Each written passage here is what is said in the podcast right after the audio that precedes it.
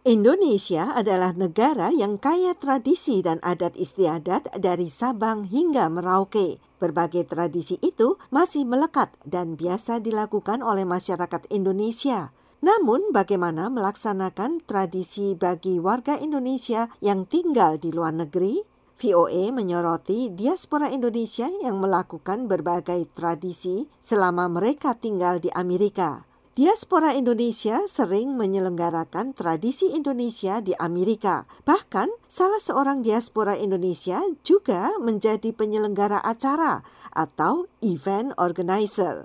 Lilian Kristaka, 38 tahun yang sudah tinggal di Philadelphia sejak tahun 2006, dikenal sebagai penyelenggara acara, terutama untuk warga Indonesia yang tinggal di daerah Pennsylvania. Ia banyak membantu warga Indonesia dalam menyelenggarakan acara yang bermuatan tradisi seperti yang ia jelaskan kepada VOA. Biasanya untuk acara wedding dan engagement sih ya kebanyakan. Kalau sunatan di sini sangat jarang hmm. karena kebanyakan sunatannya memang sudah dari pas lahir langsung disunat di rumah sakit. Saya pernah tuh mitoninan 7 bulanan yang Jawa. Kalau yang Chinese biasanya kayak tea ceremony ketika nikahan hari H.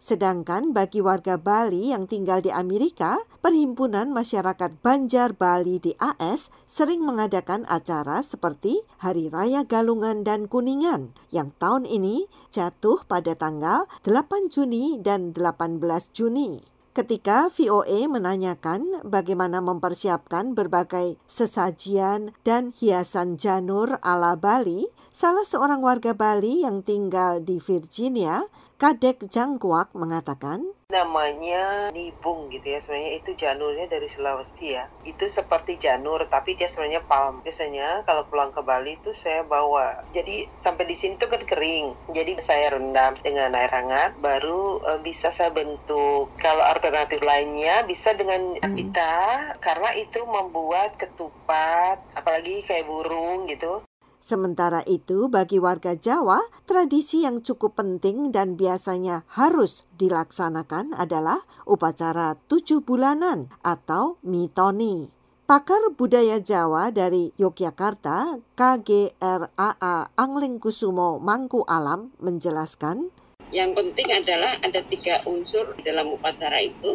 Yang pertama adalah siraman, yang kedua adalah pantas-pantas memantaskan diri dengan segala macam pakaian itu ya, yang tujuh macam. Kemudian angreman, ayam betina kan mengerami telurnya, yang pokok itu. Tapi di dalam tiga itu nanti ada detailnya sendiri e, peralatan yang lain ada apa namanya teropong kemudian ada kelapa cengkir yang digambari Kamojaya Kamorate atau Arjuna dan Subadra pokoknya pasangan yang ideal yang cantik dan yang ganteng gitu loh itu kan hmm. merupakan anak yang baik Diaspora Indonesia yang ingin melaksanakan tradisi mitoni di AS melakukannya dengan apa adanya di sini. Namun, seorang diaspora Indonesia yang sudah lebih dari 30 tahun tinggal di Amerika, Yuli Kampaldini, awal Mei lalu mengadakan acara Mitoni untuk menantunya.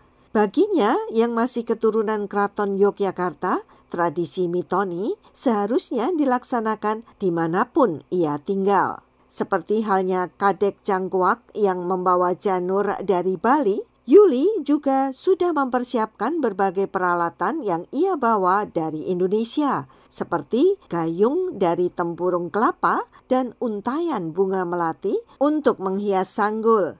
Ditanya mengenai bunga setaman yang digunakan untuk tradisi siraman, ia mengatakan, Saya hanya menggunakan bunga mawar. Nah, bunga mawar itu kan berwarna-warna karena tidak ada kayak kenanga, melati. Di sini apalagi bunga mawar bagus-bagus sekali. Yuli Kampaldini mengundang 50 teman yang kebanyakan warga Amerika dan sebagian warga Indonesia yang ternyata malah belum pernah melihat tradisi mitoni tanggapan mereka sangat uh, positif, sangat surprise karena yang dibayangkan mereka itu seperti ya baby shower yang di Amerika. Tapi memang saya jelaskan sebelum saya mengundang ini memang acara tradisional seremoni di mana saya seorang Javanese memang antusias sekali mau melihat biarpun orang asing juga orang Indonesia sendiri yang di sini maksudnya belum tentu mereka itu melihat ataupun mengalami ataupun melaksanakan acara tujuh bulanan mitoni ini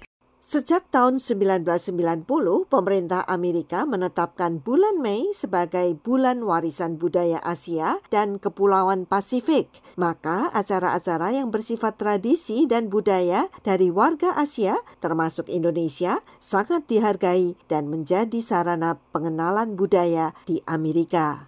Puspita Sariwati, VOA, Washington.